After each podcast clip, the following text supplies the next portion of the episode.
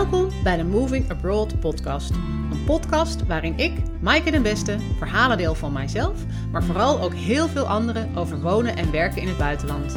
Want na zes jaar Australië weet ik als geen ander hoe ongelooflijk gaaf dat is. En ook wat er allemaal wel niet bij komt kijken.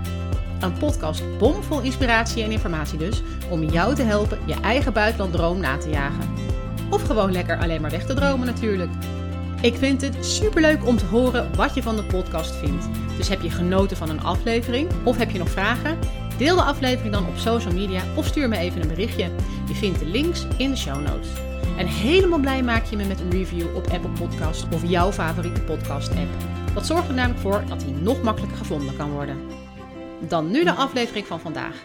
Veel plezier en een goede reis.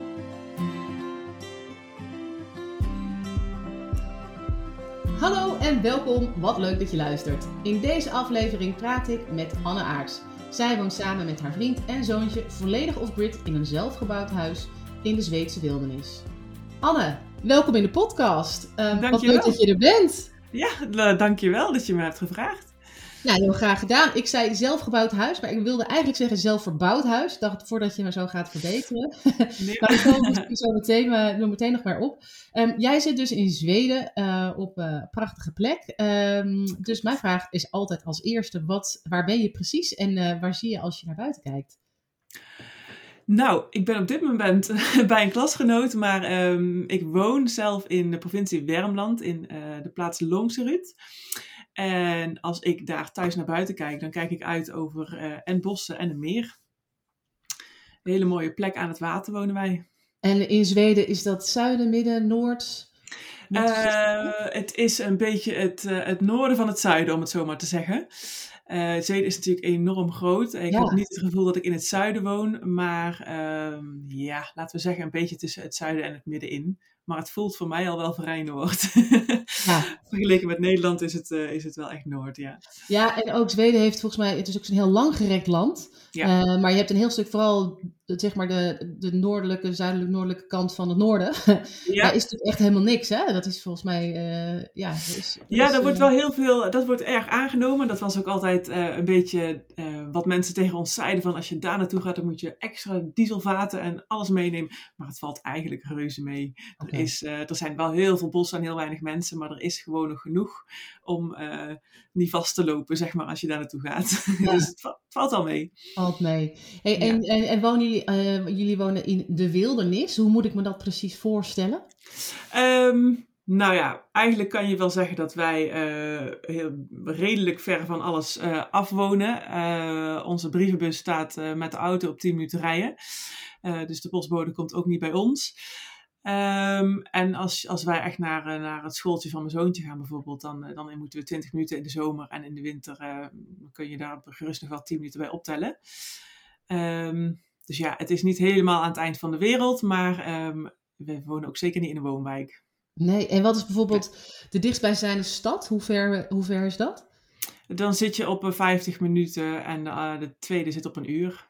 Oh, ja. Dus dat is ook echt, als wij boodschappen willen doen, dan uh, hebben we wel dus op 20 minuten een klein landhandeltje waar we het hoognodige kunnen halen. Maar wil je echt gewoon grote boodschappen doen, dan moet je gewoon echt uh, bijna een uur rijden. Ja, dus dan doe je dat, dan, dan kan me voorstellen dat dat een, uh, een activiteit of een, een evenement is in de week om ja. even supplies uh, in te slaan. Ja, dus je maakt echt een lijstje van, nou, deze week hebben we dit en dit en dit nodig. En dan ga je gewoon allerlei winkels af en dan ben je daar gewoon een hele dag mee bezig. Dat is eigenlijk ja. een beetje hoe we het doen. Dat is dan de taak van de dag. Ja, inderdaad. En dan ga je meteen even naar de speeltuin en misschien meteen even, weet je, dat is bij ons in de buurt ook niet. Nee. Dus dan ja, maak je er echt een uitje van. En, en buren? Zit, want je hebt wel, denk ik, uh, nee, ook helemaal niet? Nee? Nou, het, er zijn, het gewoon. ja, ja, ik snap het. Wij hebben um, twee vakantiehuisjes om hem heen staan. Die staan ongeveer allebei op een kilometer of anderhalve kilometer van ons vandaan. Maar daar zijn dus buren die er maar een paar weken in, in het jaar zijn. Oh. En de rest van het jaar zijn die gewoon niet, uh, niet bewoond. Nee. Genoeg, want ja, ja, ik snap het eigenlijk niet. Ja, jij zou zeggen, daar, ja, ga daar wonen. Ja, precies, inderdaad. Ja. Het is voor ja. ons wel lekker rustig hoor. En dat is ook wel een beetje wat we zochten. Ja. Uh, Zo'n plek. Maar uh, nee, echte buren, die hebben we niet. Nee. Mis je dat? Want ik kan me voorstellen dat je sociaal leven ook wel heel veel beperkt is. Je bent natuurlijk heel veel met z'n drieën. Ja. Of, of, of alleen, hè, of met z'n tweeën als je zoontje op school zit. Ja, klopt. Ehm, nou, ik moet eigenlijk zeggen dat ik het niet in zodanig mis. Omdat ik, ehm, ik zeg ook altijd, wij wonen nu op een plek waar je allerlei dingen op kan zoeken. En vroeger woonde ik midden in de stad in Eindhoven. En daar zit je overal midden in en ehm, word je dus overal al mee geconfronteerd zonder dat je dat zou willen. En we hebben er dus bewust voor gekozen om het andersom te doen. Dat als je Ja. dus iets wil, dan kun je zelf die keuze maken om prikkels of iets dergelijks, hoe je het ook noemen wil, Ja. op te zoeken. Dus Ja. wij hebben ge- eh, genoeg eh, sociale contacten gelegd in die anderhalf jaar dat we hier nou eh, ongeveer zitten. Ja. Eh, in ieder geval voldoende voor ons om het gevoel te hebben dat we nog wel een sociaal leven hebben. Laat ik het zo Ja. zeggen. Ja, en er komt dat ook steeds meer bij. Dus, ehm, Ja, en, en het is ook voor iedereen anders, kan ik me voorstellen. Sommige mensen willen elke dag, mijn partner die wil elke week wel iemand zien. En ik kan ook gewoon twee weken in mijn eentje, heb ik ook geen probleem. Dus voor iedereen is dat natuurlijk ook anders. Ehm, Ja. Dus jij hebt voor, jullie hebben voor jezelf de juiste balans gevonden tussen... Absoluut. Ja. En je hebt natuurlijk ook eh, via dit soort media ook gewoon contact Ja. met je vrienden die je eh, altijd al had. Ja. Ehm, Ja, dus, zeker met je mis- Nederlandse vrienden maakt het natuurlijk niet uit of je midden in de stad zit te, zo- te videobellen of eh, Nee. vanaf het platteland. Precies. Dat maakt niet uit. Dus nee, antwoord op de vraag is: ik mis het eigenlijk. mis ik het niet. Nee. Nee, En je maar- zei, je, zei, eh, je zit nu anderhalf jaar zit je hier in, eh, in Zweden, maar je zijn al wel langer weg uit Nederland. Hoe lang geleden zijn jullie vertrokken?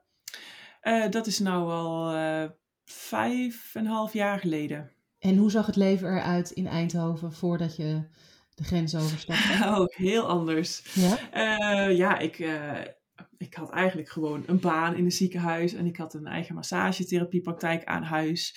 En ik had dus wel een leven waarbij ik veel eh, op stap ging en eh, veel vrienden zag door de week. Eh, ik woonde alleen. Ehm, dus ja, dan zoek je dat soort dingen wel veel meer op. Dus ik had Ja. gewoon echt een stadsleven eigenlijk. Eh, Ja, 180 graden de andere kant op als wat ik nu heb. Ja, bijzonder. Echt Ja. volledig anders. Ja. Ja, en wat absoluut. deed, jij, ja. wat, was jouw, wat deed je in het ziekenhuis? Wat, eh, wat Ik werkte bij een apotheek in een ziekenhuis. Ah, en daar verzorgde ik eigenlijk, eh, dat was eigenlijk meer een soort magazijnfunctie, waar ik dus zorgde dat het hele ziekenhuis bevoorraad was van alles wat er nodig was. ja, echt heel En, anders dan, dan nu. Ja, ja, absoluut, ja. Ja. En ik studeerde toen dus ook nog in Utrecht, eh, ging ik één dag in de week naar Utrecht, deed ik een massagetherapieopleiding, vier jaar lang. ja. En eh, nou ja, toen ik daarmee klaar was, wilde ik eigenlijk daar mijn beroep van maken. En toen ontmoette ik gauw genoeg mijn huidige vriend. Dus Ja. ehm, nou, toen? toen liep het allemaal heel anders. Ehm, want nou ja, wij hebben elkaar het al... plan buitenland eh, te, te plekken? Nou ja, gauw genoeg wel. Het is wel een heel leuk verhaal. Wij hebben elkaar ontmoet in de trein. Hmm. Eh, eigenlijk op het, eh, op het station nog van Eindhoven. En, ehm, Reclame voor de NS eventjes, hè? Hier. nou, een beetje wel, ja. een treinstelletje noemen ze dat volgens mij. Eh, wij dachten gewoon allebei op het perron, keken we elkaar aan en we dachten, wauw, daar ga ik eens even bij in de buurt zitten. Echt? Dus wij zaten in zo'n vierzitje schuin tegenover elkaar, een beetje naar elkaar te loeren voor anderhalf uur. En in Amsterdam moest ik eruit en hij bleef zitten. En toen heb ik heel gauw mijn visitekaartje aan hem gegeven. Ja. Zo, zo en dan niet meer omkijken. En al een uur later zat ik bij mijn broer op de bank en toen kreeg ik een berichtje van, eh, van Martijn. En eh, nou, die was super blij met, met mijn kaartje. En, eh, Ja, want is dat ook te loeren? Die had ja, die had zelf- ook te loeren, ja, Ja. precies. En ehm, nou ja, een week later zijn wij wat gaan drinken, weer een week later zijn we wat gaan eten. En eh, dat was allemaal in december. Toen zei hij, zullen we met mijn camper eh oud en nieuw gaan vieren? Dus dat hebben we gedaan, drie, drie dagen lang. Toen zijn we zes weken later zijn wij op wintersport geweest met die oude camper naar Italië. En toen kwamen we daarvan terug. Op de terugweg zeiden we tegen elkaar, we gaan alles verkopen en eh, we gaan op reis. Dus eh, Oh. toen, heb ik, toen heb ik mijn huis verkocht, heeft hij zijn huis en bedrijf verkocht. Ja. En eigenlijk vier maanden nadat we elkaar kenden, was alles al helemaal beklonken en Holy we in de camper. Ben ja. jij van nature iemand die zo snel beslissingen neemt en die heel erg mak ja, die niet zo'n behoefte heeft aan veiligheid en zekerheid misschien?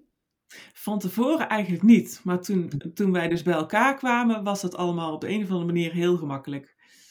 En wat Toen maakte was het dan dat goed. het- ja, wat, wat was er zo? Was het dan dat je in ene keer heel erg samen een toekomst voor je ziet of zo? Of, eh, Ja, precies. Het, voel, het voelde gewoon eh, heel zeker en vertrouwd en, eh, en toch ook avontuurlijk tegelijk. Dus Ja, Want het verkopen van je huis is. Ik, ik hoor een beetje aan je verhaal dat je je werk deed je met plezier, maar was niet je, je grote liefde, zeg maar. Dus daar had je misschien niet zo heel veel spijt van uh, dat je daar iets. Hè, nee. Als je het ziekenhuis ging verlaten. Maar um, in huis verkopen, dat is best nog wel een ding. Nee, nou, nee, vond ik ook niet. Het, was, het was gewoon mij, voor mij een plek om te wonen. En uh, ik heb daarvoor ook al op verschillende plekken gewoond. En um, nee, ik hechtte daar helemaal geen waarde aan verder. Het was maar gewoon een huis en het waren maar spullen. Ja. En um, dat was voor hem wel anders, want hij had zijn eigen huis gebouwd. Oh. Uh, met, met, zijn uh, werkplaats daar ook nog bij. Um, dus ja, hij had er wel iets meer moeite mee. Maar uh, ja, die wens om dus samen op avontuur te gaan, die was gewoon groter. Mhm. En hadden jullie met de verkoop van alles uh, dan ook wat geld achter de hand om het een tijdje te kunnen uitzingen? Of hoe, ja. hoe, je, hoe was de financiële situatie? Ja, niet zozeer van mijn verkoop van mijn huis, want ik had gewoon een appartement uh, en dat heb ik eigenlijk te vroeg verkocht voor niet in de goede tijd, zeg maar. Ja. maar goed, uh, weet je, als je dat wil, dan doe je dat gewoon. Maar hij had, wel, hij had er zeker wel flink wat geld aan overgehouden, waardoor we gewoon uh, met z'n tweeën het een heel tijdje konden uitzingen. Mm. Um, maar we hebben op een bepaalde manier gereisd, waardoor we eigenlijk weinig kosten hadden. Want we hebben uh, al die tijd vrijwilligerswerk gedaan. Dus de enige kosten die we hadden was van A naar B te komen. Oh, ja. Een beetje diesel en een beetje verzekeringen. Dus we, en verder, um, we hebben niet zeg maar vakantie gevierd. We zijn wel echt gewoon gaan werken en reizen op die manier om ook de mhm. mensen mm -hmm. uh, in, in landen te leren kennen. Um, en wat bedoel je met vrijwilligerswerk? Ben je dan, uh, ga je dan zeg maar bij een, een uh, bij, bij een, een, iemand die een boerderij heeft of zoiets dergelijks en dan voor kosten ja. inwoning uh, werken? Of, Ja, allerlei verschillende dingen hebben we gedaan. We hebben, zijn via een platform wat Workaway heet, ik weet niet of je mhm. daar uit van gehoord ja, hebt, wel, ja. Um, hebben we ons ingeschreven en nou, dan kun je dus vindt dat een soort dating site. Dan kun je alsgene die werk zoekt mensen benaderen die werk uh, aanbieden. Dus we hebben gewerkt op campings, in een bed and breakfast. Uh, gewoon bij mensen thuis die een husky farm hadden. Nou ja, noem het maar op. Gewoon heel veel verschillende dingen. Op een geitenboerderij, uh, tegen de Russische grens. op, op, bij een, um, mensen die thuis een soort pizzeria-achtig iets hadden in Estland. Van alles hebben we gedaan. Wow. En um, ja, dat was een paar jaar heel leuk. En op een gegeven moment begon het gewoon te kriebelen dat we, ja, dat we ook echt wel ons eigen leven weer wilden gaan opbouwen. Het voelde op een gegeven moment alsof je alleen maar voor een ander heel veel aan doen was. Ja. En um, het klikte lang niet altijd. Soms dan zouden we ergens een maand blijven en dan waren we echt binnen 48 uur echt met volle vaart weer vertrokken. Ja. En soms zouden we een paar weken ergens blijven en dan bleven we gewoon vijf maanden. Ja. Dus het, ja, zo, zo kan het dan lopen. Ja, jeetje. Ja. ja. Mooi. En daar hebben we gewoon heel veel van geleerd, van onszelf. En um, ja, wisten we op een gegeven moment heel goed wat we wel en wat we niet wilden. Daar, We hadden gewoon heel veel verschillende manieren van leven hadden we op die manier kunnen ontdekken. Ja. En um, nou ja, daardoor uh, doen we ook misschien wel nu wat we nu doen, zeg maar. Ja, nou daar komen we zo nog even op. Maar ik ben nog even benieuwd wanneer, uh, want, uh, want die beslissing om, om zeg maar weg te gaan, of in ieder geval op avontuur te gaan, is dus heel snel gemaakt. En ook ja. rigoureus soort van hè, eventjes alle banden doorsneden, baan weg, huis weg, bedrijf verkocht. Um, wanneer kwam, wanneer kwam, maakte u dan het besluit van we gaan niet meer terug, we blijven weg? In wat voor vorm dan ook? Uh, dat was eigenlijk al vanaf het begin. We hadden nooit een plan uh, als in zodanig van we gaan een jaar weg of een half jaar weg. We hadden gewoon zoiets van we gaan weg en we zien het wel. Met een open, open einde. Ja, ja, want we vonden het allebei heel naar. En dat, dat had ik al eerder ervaren op reis. Dan ging ik drie maanden naar Afrika. En dan zit je er heel tegen die datum aan te hikken van nu moet ik weer terug. Ja. Daarom hebben we ook echt alles weggegeven, verkocht, uh, noem het maar op. Ook al onze spullen. Gewoon dat je niks meer hebt waar je voor terug moet. Mm-hmm. Uh, dan zou het dus echt mensen zijn die ziek worden of, of wat dan ook. Ja. Daar zou je dan voor terug gaan. Maar dat was dan ook echt het enige. Ja. ja. We wilden het gewoon helemaal open houden en dat, dat hebben we ook gedaan. Ja, en waarom dan uh, een camper en een beetje zo'n zwerven bestaan? Dus wilden jullie gewoon dingen uitproberen? Of dacht je, nou, dit is de meest makkelijke weg en dan, dan, dan gaan we wel en zien we wel? Nou, eigenlijk voornamelijk omdat die camper, die was er dus al. Ja. En we hadden dus met z'n tweeën een paar ervaringen in die camper die, het gewoon, die, die gewoon enorm leuk waren. Dus het lag eigenlijk vrij voor de hand. Ja. Uh, en we hadden ook een hond. En ja, die neem je natuurlijk ook mee. Ehm, dus het was gewoon een hartstikke makkelijke manier om, eh, om te reizen. En ik vond het altijd, dat wist ik natuurlijk van tevoren nog niet, maar ik heb het altijd heel prettig gevonden dat waar je dan ook was, bij wie je dan ook was of hoe lang, dat je altijd je eigen plekje had. Ja. Uh, we hebben nooit bij mensen in huis gewoond. Altijd, ja, precies. Je ziet er gewoon altijd in je eigen bus. Je hoefde niet ja. uh, van iemands gasvrij. Al was het uh, min 35 in het noordste van Noorwegen, wij sliepen gewoon in ons eigen, in ons eigen busje. En dat maakt het gewoon fantastisch, want dan kun je dus heel veel doen op verschillende plekken, maar toch ben je dan thuis. Ja. Dat maakte het fantastisch. En um, nou, toen, toen kwam dus het moment waarop je zag van nou, dit, is, dit was leuk, maar we willen, we willen eigenlijk zelf nu iets. Ja. Um, waarom Zweden? Um, nou ja, was eigenlijk verschillende redenen. Ik was wel verliefd op Zweden geworden. Uh, Martijn hield toch echt wel meer van Noorwegen. Maar uh, het was wel in de tijd dat uh, corona net op kwam zetten. En uh, toen was eigenlijk Zweden ook een van de landen waar gewoon nog de meeste mogelijkheid was om naartoe te gaan. oh ja, ik denk ja, dat het een van de open. landen was. Ja. Ja, die, was, die is gewoon eigenlijk altijd open geweest. Er zijn hier ook nooit mondkapjes of wat dan ook geweest. Ja. Um, dus dat was voor ons wel een logische stap. We waren eigenlijk met de camper op weg richting, nou ja, in de richting van Mongolië we waren nog niet zo ver gekomen. We hadden een tussenstop gemaakt in Nederland en hadden we een tweede camper verbouwd waar we met z'n drieën in konden wonen. En toen zijn we zes weken gestrand in Frankrijk. Hebben we met hekken eromheen op een camperplaats gestaan. Mochten joh. we gewoon helemaal nergens naartoe.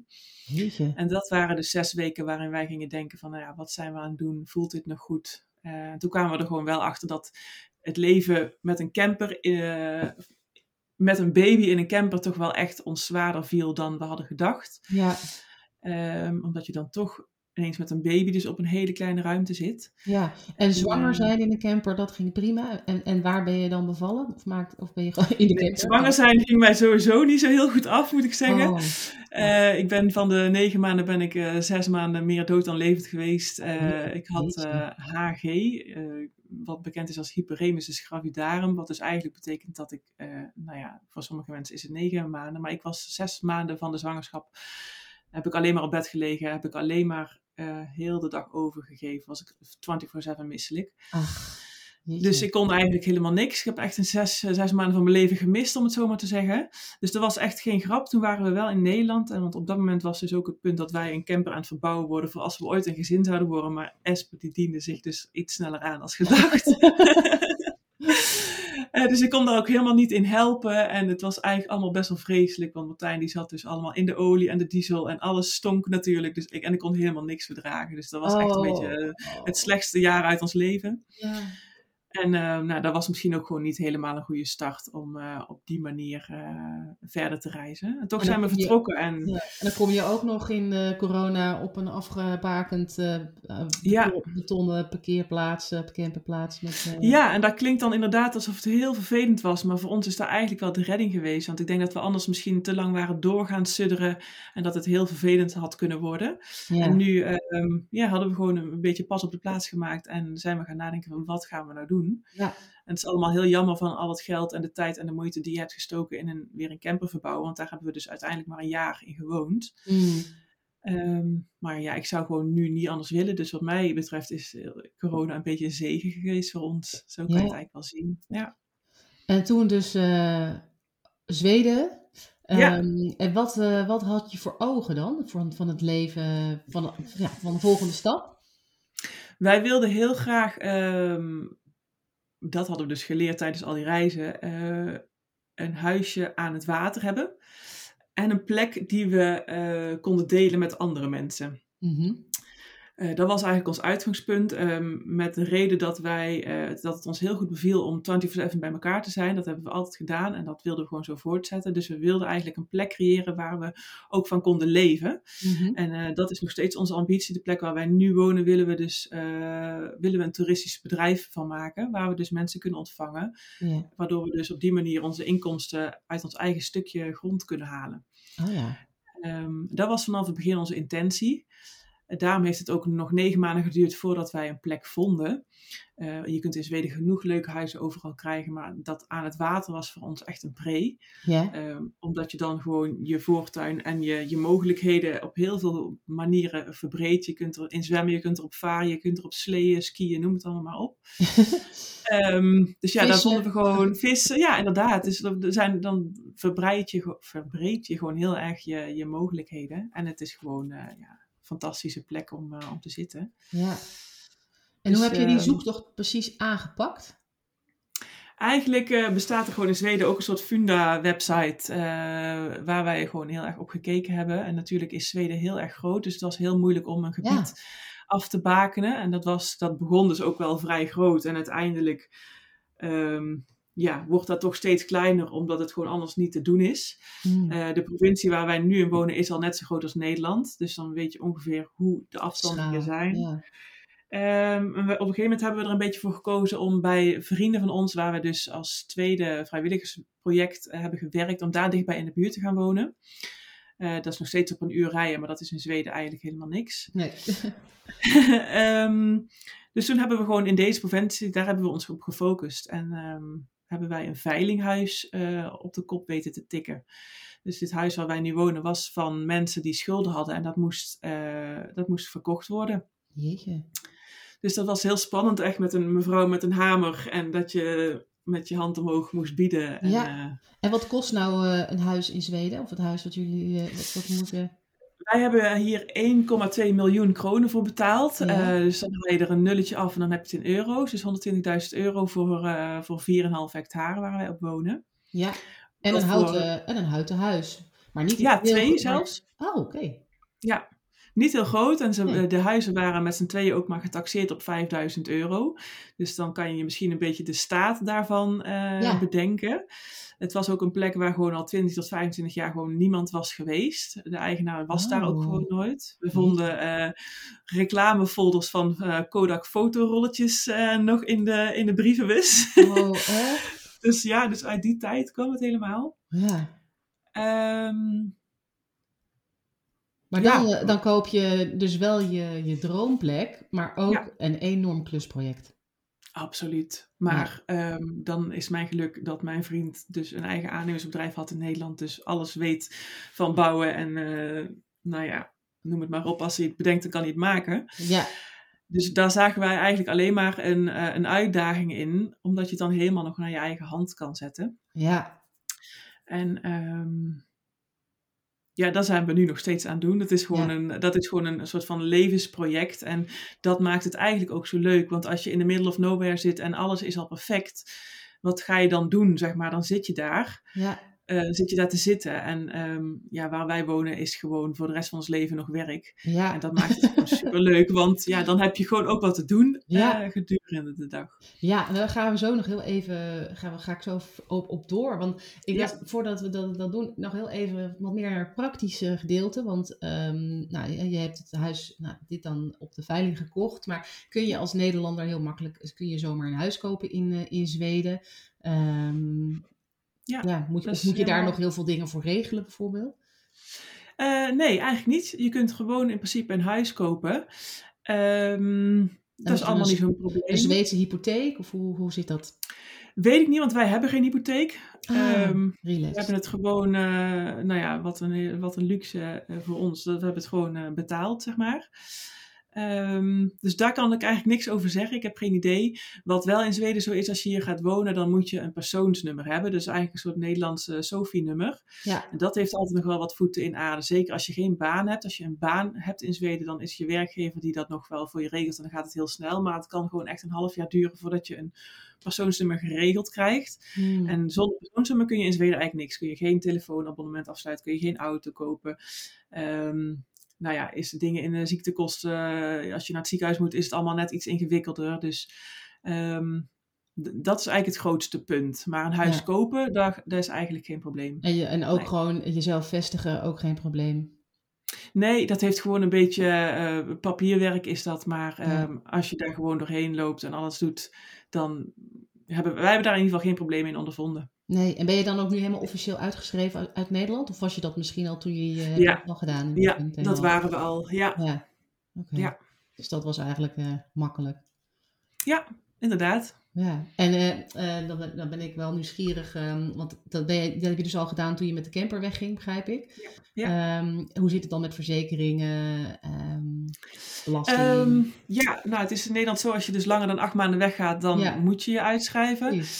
Ehm, en dan kom je inderdaad bij het stukje dat je je ook niet meer kan verzekeren in Nederland. En toen Mhm. zijn wij voor een privé-verzekeraar gegaan. eh, die dus lang in het buitenland verzekeringen eh, aanbood. Wat super handig was eh, en wat ook nog goedkoper was dan de Nederlandse basisverzekering. Omdat daar dus eigenlijk alleen maar mensen, jonge vitale mensen, zo'n verzekering afsluiten. Er zitten dus geen bejaarden en baby's en dergelijke in. Dus daar betaal je eigenlijk ook niet voor. Dus wij Ja. waren eigenlijk voor eh, rond de 100 euro per maand per persoon waren wij verzekerd voor ziektekosten, reizen, nou ja, alles wat je maar kan bedenken. Ja, Ehm, gelukkig hebben we het allemaal nooit nodig gehad. nee. Ehm, Nee, maar ja, dat was dus, eh, dat was dus een, heel, eh, een, een heel prettig iets dat, zo, zodat dat bestond. Ja, en, maar voor je verhuizing naar Zweden hoef je dus eigenlijk praktisch niet zo heel veel te regelen, want je was al weg uit Nederland. Ja, Eh, ik had geen en- spullen meer in te pakken. Precies, ja, ja, ja. ja, ja, je, Ja. Hebt, je hebt de bus, dus je had alles al bij je. En, Ja, eh, sterker nog, we hebben gewoon eh, heel lang ook nog in de bus geleefd. terwijl we die huizen ver- verbouwden, zeg maar. ja, ja, Ook een tijdje bij vrienden, maar eh, toen we eenmaal echt op onze plek konden wonen, hebben we ook nog een tijdje in de bus gezeten. Eh, omdat gewoon de voorzieningen nog niet eh, daar waren dat we in het huis konden zitten, zeg maar. Wat moesten jullie allemaal doen? Waar, welke klussen lagen er allemaal? Er liggen, honderden, er liggen nog honderdduizend klussen, maar waar, wat was zeg maar de... Nou, je moet het eigenlijk zo zien. ehm, het, het, waren, het zijn twee eh, timmerhuizen. Dus het zijn allemaal op elkaar gestapelde balken. Daar is het huis eh, uit, uitgebouwd. En dat was ook precies wat er stond. Ehm, voor de rest was er niks. Het huis waar wij nu in woonden was vroeger een schuur. Ah, Ehm, dus er zat geen vloer in, er zat geen, nou, geen muur. Er wa- Het was alleen maar buitenmuur en dat was het. Er, zat geen, er zaten geen kamers in, er zat geen water in, er zat geen stroom, er zat helemaal niks in. Het was gewoon Nee. een open ruimte van houten balken. ja, Dus we zijn echt helemaal vanaf het begin eh, zijn wij eh, begonnen. Ook zelfs de onderste balken van het huis, die waren verrot. Dus Martijn die heeft met potkrikjes het hele huis omhoog gekrikt. Oh, Die stammen mooi. eronder uitgehaald, bomen gekapt in ons, op ons perceel en die bomen zo bewerkt dat die er weer onder konden. Ehm, dus ja, gewoon echt helemaal vanaf het begin. Jeetje. Het dak hebben we vernieuwd, eh, nieuwe schoorsteen, eh, de ramen heeft mijn schoonvader helemaal opnieuw aangepakt. Dus ja, eigenlijk gewoon alles. Ja. En Ja. dus dat eerste project was eigenlijk dan eh, een huis bouwen voor jezelf, of het huis verbouwen zodat je daar kan wonen.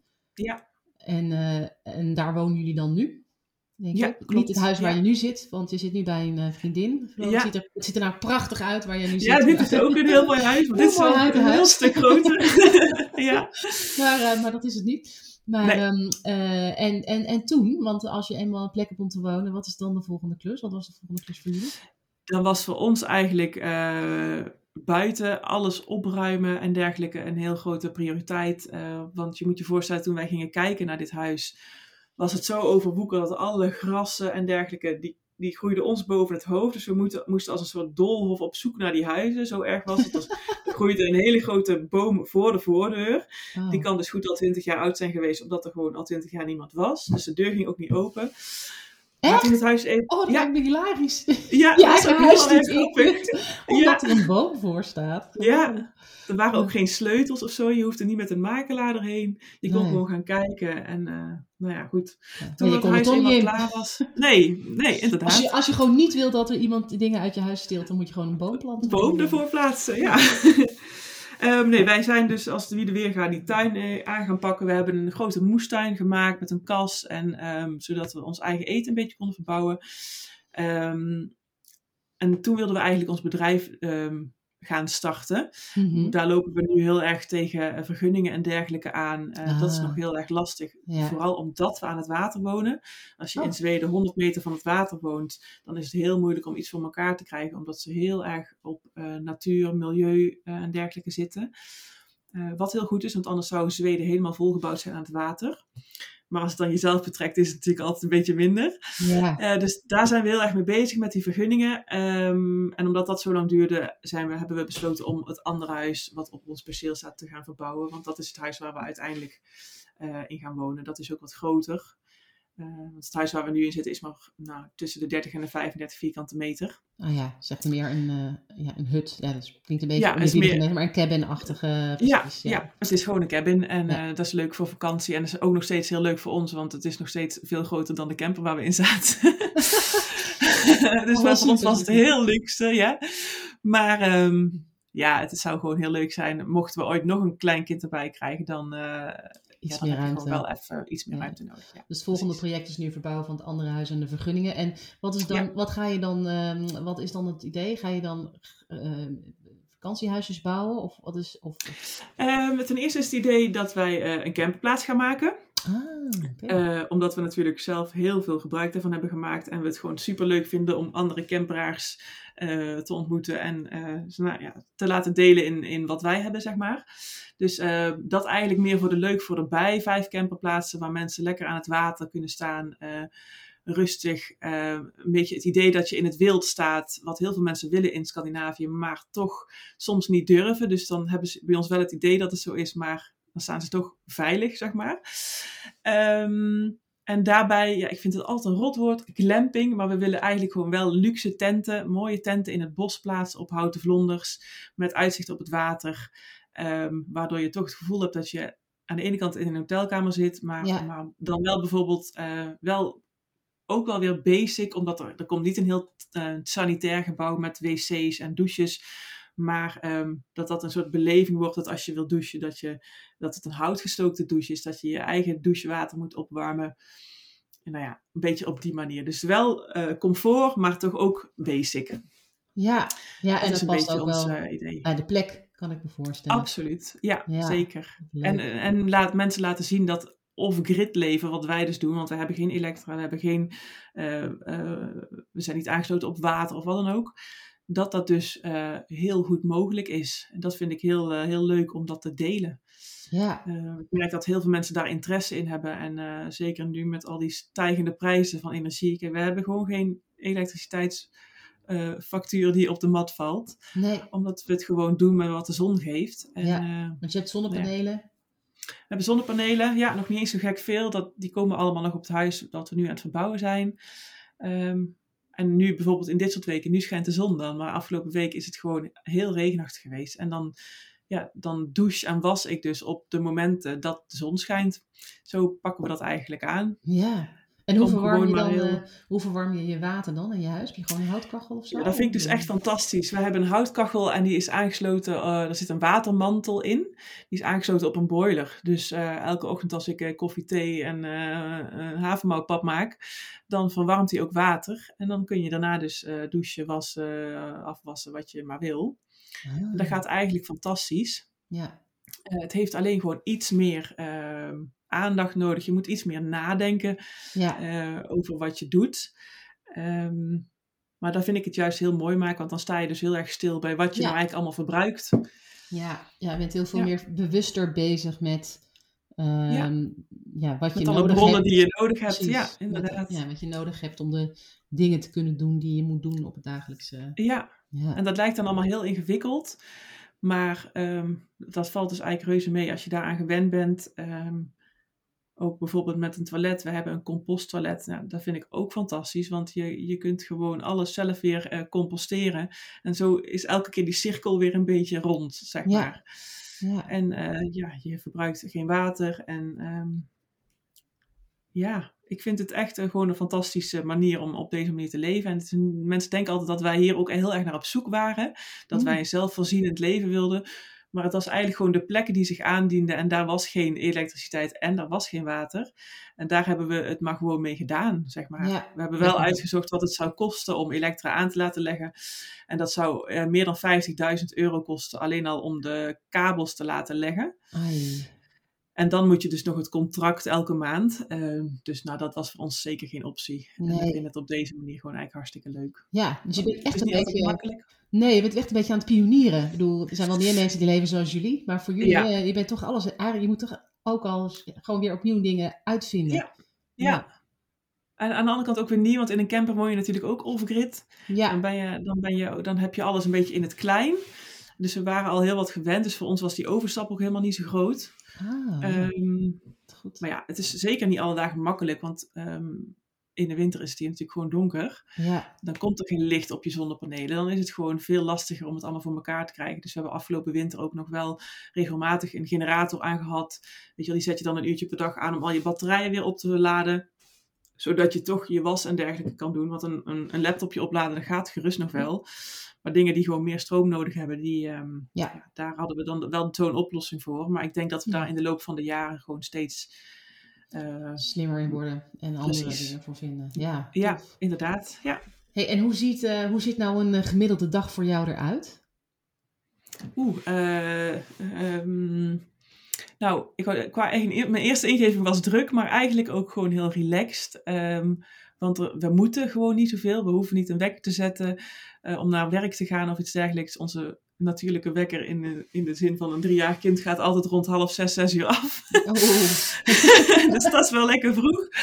Um, het is bij ons eigenlijk gewoon rustig wakker, rustig worden, uh, rustig ontbijten, rustig een kopje koffie drinken. En dan rond een uur of acht, negen gaan wij aan de gang met wat die dag eigenlijk ook vraagt. De ene keer zijn we iets aan het verbouwen, de andere keer zijn we iets aan het bouwen.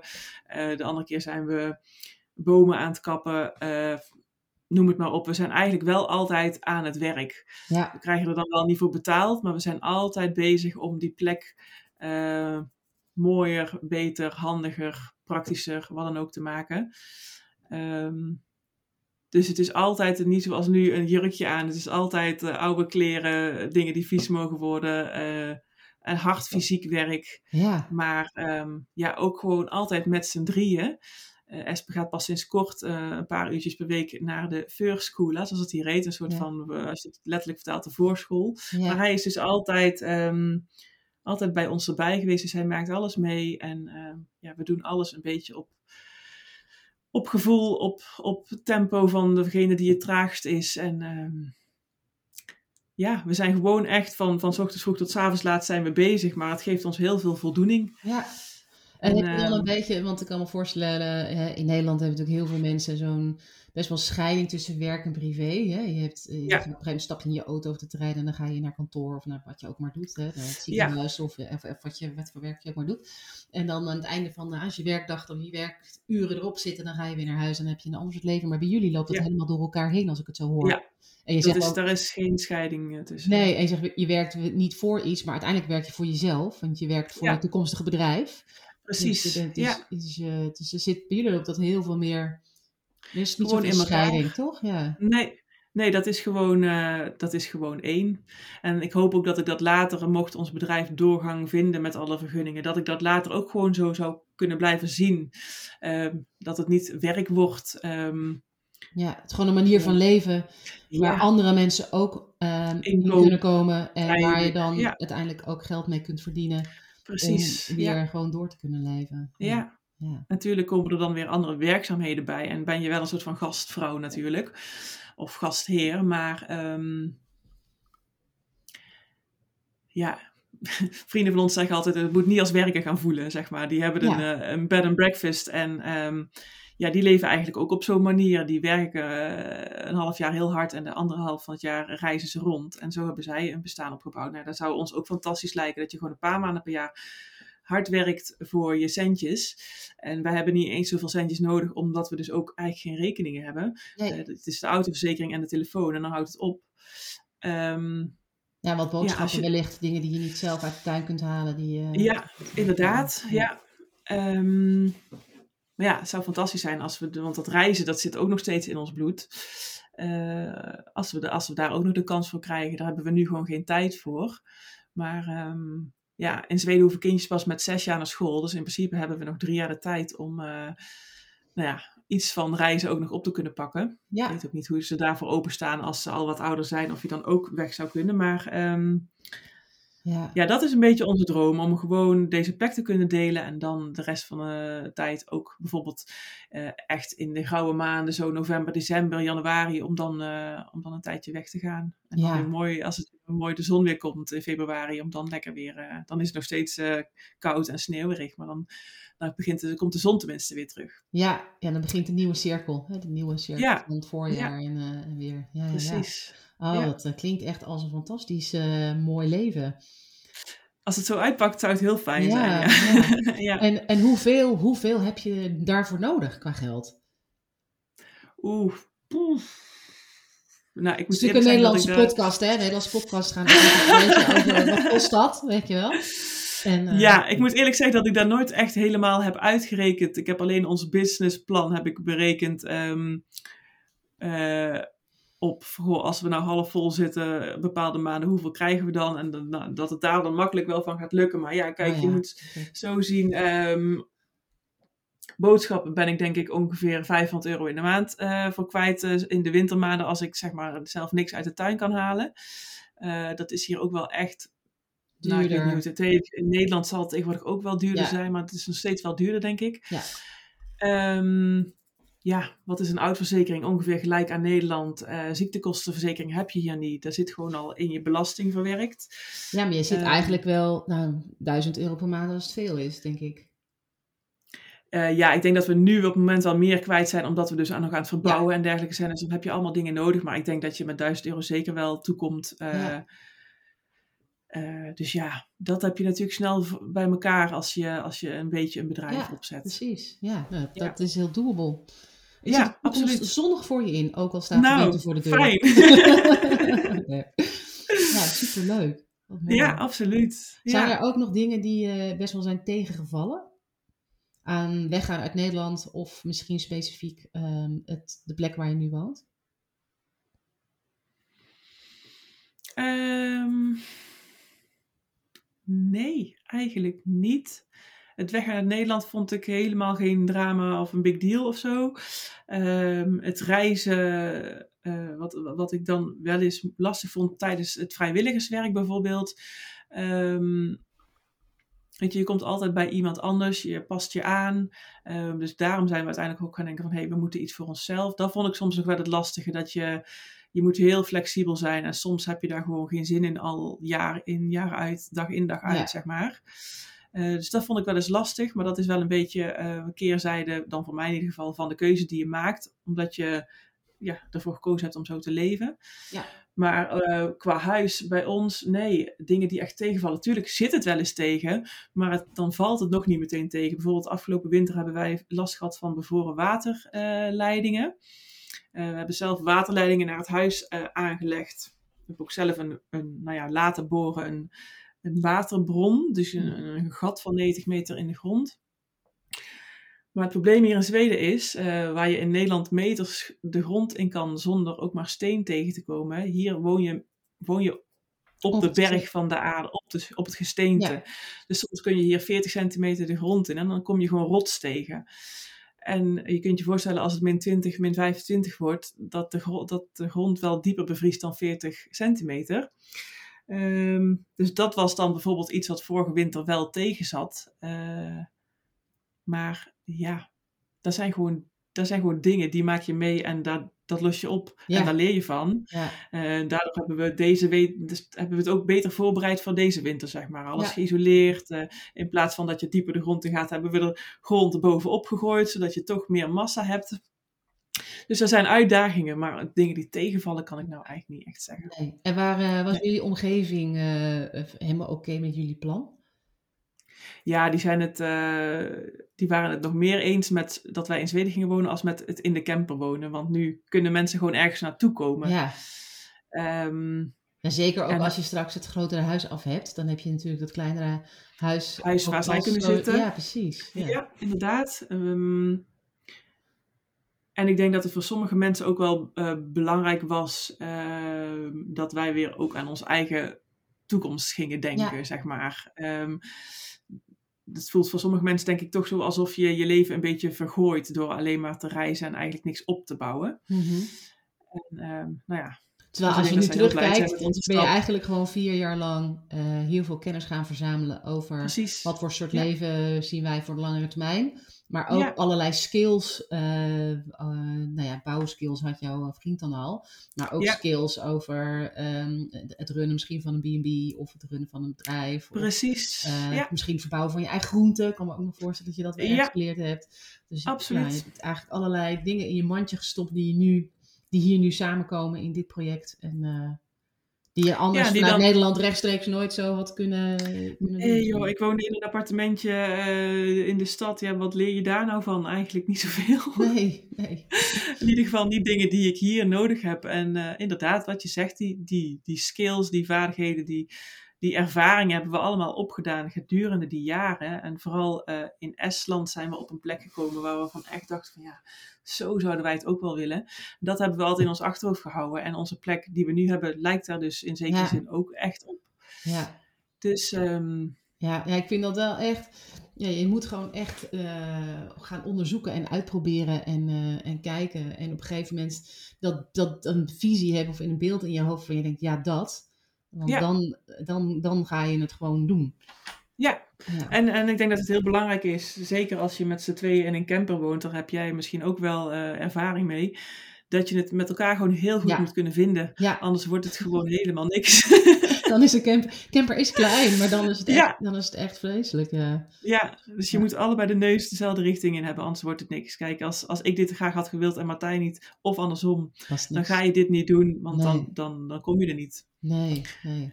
nee ik vind het Ehm, ook wel mooi wat je, wat zegt. Ja, jullie hebben dan vier jaar lang gereisd in de camper en, eh, en ervaringen opgedaan bij, ehm, ja, en, en vrijwilligerswerk gedaan.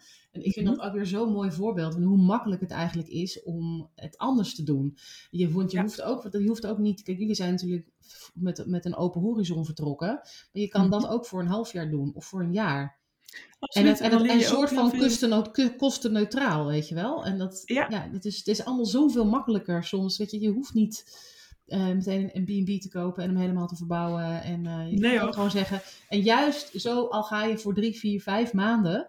Juist Ja. dat geeft je het inzicht en de ervaring van... Oh, wauw, er is zoveel meer mogelijk. En ehm, allerlei dingen ik, op die ik in mijn appartement in Eindhoven nooit had bedacht... kunnen eigenlijk gewoon. En je leert zoveel meer over Nee. jezelf. Dus het is, ja, het is een mooie Ja, je mooie, zit eh, in, mooie in je eigen leven heel je zit in een kader en, en heel veel Ja. verder kan je vaak niet kijken. En, Precies. ehm, ja, ik heb gewoon het geluk gehad, of wij misschien allebei, eh, dat we elkaar zijn tegengekomen en dat dit dus gewoon echt ontstond. Ja, Ehm, ik had nooit eh, zes jaar geleden, toen ik alles eh, verkocht, kunnen denken dat ik nou zo'n leven zou hebben zoals ik nu heb. Maar ik denk als je daarvoor open staat, eh, voor alles wat er maar op je pad komt, dat ja, kan het dus helemaal anders worden. ja, ja, en desnoods ga je En twee dus- maanden, verhuur Ja. je appartement onder, weet je, heb Ja. je 5000 euro spaargeld, dan kan dat dus ook, weet je wel. Het hoeft niet Absoluut. ingewikkeld te zijn. En daar leer je dan, dan, dan zie je vanzelf alweer een volgende stap. Of misschien is de volgende stap, nou, dit is een leuk avontuur, maar ik ga weer terug naar mijn appartement. en Daar kan je ook achter komen. Dat je eigenlijk heel blij bent met wat je had. Precies, ja. Ja, zeker weten. Wat heeft, eh, eh, wat, he- wat, wat heeft het leven je gebracht? Of wat heeft de stap over de grens je gebracht?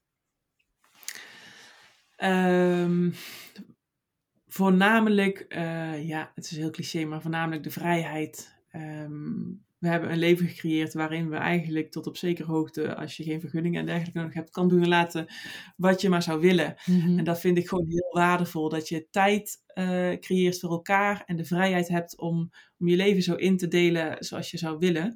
En ik ben me er terdege van bewust dat wij ook die financiële mogelijkheid dus hadden. Ja, Eh, al is dat ook geen bodemloze put, dus er moet inmiddels wel echt iets gaan gebeuren. Maar wij Ja. zijn dus nou wel vijf jaar verder, vanwege ook het Eh, verkoop van, van het huis en de, het bedrijf. Precies, Ja, ja. precies. Ja. inderdaad. Ehm, dus dat, dat heeft natuurlijk ook niet iedereen. Maar dan nog had ik, denk ik dat er gewoon een mogelijkheid was geweest om, eh, om zoiets te doen. Ja. Ehm, maar de vrijheid kunnen creëren voor jezelf eh, om een leven op te bouwen zoals je het graag wil. Want je zit in Nederland, nou, misschien op de rest van de wereld ook wel, je zit heel snel gevangen in een bepaald keurslijf met hypotheken of huur of eh, nou ja, dingen die eerst moeten voordat je Ja. eh, iets kan gaan doen wat je wil. En bij ons is het gewoon echt andersom nu. ja. Doen gewoon in eerste instantie wat we willen en dan zijn er straks een paar dingen die moeten. Mhm. Maar ehm, dat is hetgene wat me wel echt eh, mijn leven eh, heel erg verrijkt heeft, laat ik het zo zeggen. Ja, dus je verlangt niet terug naar de massagetafel, Nee. de massagetherapeut zijn. Nee, ik denk wel dat ik daar eh, gerust nog wel ooit eens iets mee ga doen. ja. Dat is natuurlijk net als lopen een skill die je niet verleert. Maar op dit moment ligt mijn ambitie daar niet. Misschien straks als kind of kinderen groter zijn, dat ik daar weer eens induik. Of Ja. als ik gasten krijg en eh, dat ik dat als een soort van ja, kan eh, dienst kan aanbieden. Ehm, Maar nee. nee. Eh, nee, nee. verbouwen, bomen omzagen, huizen Ja. timmeren en allerlei andere. Mezelf in leven houden en warm blijven En en, dat, soort dingen. houden. Ja, precies. Het voelt, het voelt ook eigenlijk allemaal, weet je, als je die basale dingen, als je daar zelf eh, voor moet werken, dan dat voelt gewoon heel erg ehm, rewarding, hoe zeg ik Ja, dat in het Nederlands? Eh, voldoening geven. dank, ja, precies, Ja. inderdaad. Ja, Hey, ik, ik heb een laatste vraag voor je. Dat is ja een- vertel eens. Een multiple gokvraag. En dan krijg je ehm, drie keer een optie tussen twee opties. Nee, drie keer een keuze tussen twee opties. Ik kan het nooit in één keer goed uitleggen. Oh zo, Ja. ja. Je hebt dus drie vragen. Ik heb er drie vragen. Mag jij? Oké. Vraag mag je er eentje uitkiezen. Ehm, Ja. De eerste keuze die ik voor je heb is tussen de, de Wadden of de Limburgse heuvels. De Limburgse heuvels. Ik heb niks met, eh, zozeer met wind en water en dergelijke. En dat heb je op de Wadden natuurlijk nogal gauw. Ja, Ik ben meer van de bossen en de, eh, ja, van de, ja, daarom woon ik ook nu in de heuvels, ja in het bos. ja, mijn vriend zou zeggen duidelijk Wadden hoor. Ja? Die, ja, absoluut. Van de, van, de, van de zee. Ja, Ja, van de bergen. Mooi. Ja. De volgende keuze die je hebt is tussen de fiets of de trein. ja, dan moet ik eigenlijk wel de trein zeggen als je elkaar ontmoet hebt in de trein. Nou ja, precies. precies. Ja, ja, zeker. Maar, Ehm, ik denk dat ik sowieso wel trein zou zeggen. ehm, omdat ik dat een hele prettige manier van reis vind. Ehm, dat je een hoop kan zien en ehm, fietsen, ja. Nou, nee, de trein. grappig, want heel, ik heb wel vaak mensen die fietsen dan juist heel erg missen. Hè? Oh, Oh, ik, oké. eh, ja, dat is zo makkelijk en dan kun je zo snel van A naar B en hier moet ik altijd met de auto. Ja, maar weet je, als je, dan, als je hier een fiets hebt, je hebt er niks aan. Ik, ik denk dat het anderhalf uur duurt voordat ik het bos uit ben, zeg maar. nee, En dan ben ik dan helemaal buiten adem, want het gaat de hele tijd zo natuurlijk. Nee, nee, Nou, maar duidelijk de schrijf, eh, trein. Schrijf de trein op. Hey, de laatste keuze die je hebt is tussen drop en haring. Ja, drop. Ja? Heel duidelijk, ja. Hebben ze in Ja, dat is, iets eh, van de? Of, eh, Ze hebben wel drop, maar dat is net zoals met kaas. Die is ook nergens zo lekker als in Nederland. mhm. En dat is met drop ook gewoon het geval. Ehm, Dus jij hebt, Dus ja. eh, als mensen bezoek zak- komen, geven ze een opdracht. Ja. zeker, die hebben altijd drop. Eh, sommigen hebben ook nog stroopwafels mee. Oh ja. Maar het is niet zoals wij naar Nederland gaan dat we dan hagelslag, eh, al die dingen allemaal meenemen. Nee, zeker niet. Maar eh, ja, het is wel een welkom cadeau als iemand lekker eh, een zakje drop meeneemt. Dat is zeker, eh, dat is zeker heel leuk. Mochten, mochten, jullie, eh, mochten mensen pas over een paar jaar luisteren, aflevering luisteren en jullie camperplaats is al helemaal in full swing en mensen denken, Ja. oh daar gaan we heen. Dan, Neem eh, drop mee, mensen. ja, absoluut. Eh, Anne, hartstikke bedankt ehm, dat, ik, dat je mocht interviewen voor de podcast en dat je zo openhartig je verhaal hebt gedeeld. Ik vond het echt super leuk en inspirerend. En ja, ik wens je heel veel nou, sterkte nog, jullie eigenlijk, met ehm, alle verdere verbouw en bouw en, en, en Ja. En ik hoop dat jullie heel snel vergunning krijgen en eh, dat er vorig jaar mooie tenten op het terrein staan. En, eh, de, de, Dat de zou fantastisch zijn. Als ik je zou komen kunnen verwelkomen volgend jaar, dan, eh, dan zou dat natuurlijk. Maar Ja, ja, in de zomer. in de ik zomer, ja. ik moet echt, ik moet hier achterna. Maar ja, dan in de zomer is er heel veel zon in Zweden, dus dat, dat gaat zeker. Ja, dat kan zeker niet missen. Nou, hartstikke leuk. Ik vond het leuk dat je me uitnodigde. En eh, het is altijd leuk om, eh, nou ja, om een verhaal te kunnen delen. Om te laten zien hoe het ook kan. En eh, Ja, precies. ik hoop dat het mensen inspireert, net zoals dat het jou doet. Dus, En als mensen nou nog meer inspiratie willen en je leven een beetje kunnen volgen, want ik weet dat je in ieder geval op Instagram zit. Waar ben je te vinden? Wij zijn te vinden op Lost Direction Van Life. Mhm. Het eh, stamt eigenlijk uit de tijd dat we dus in een van woonden.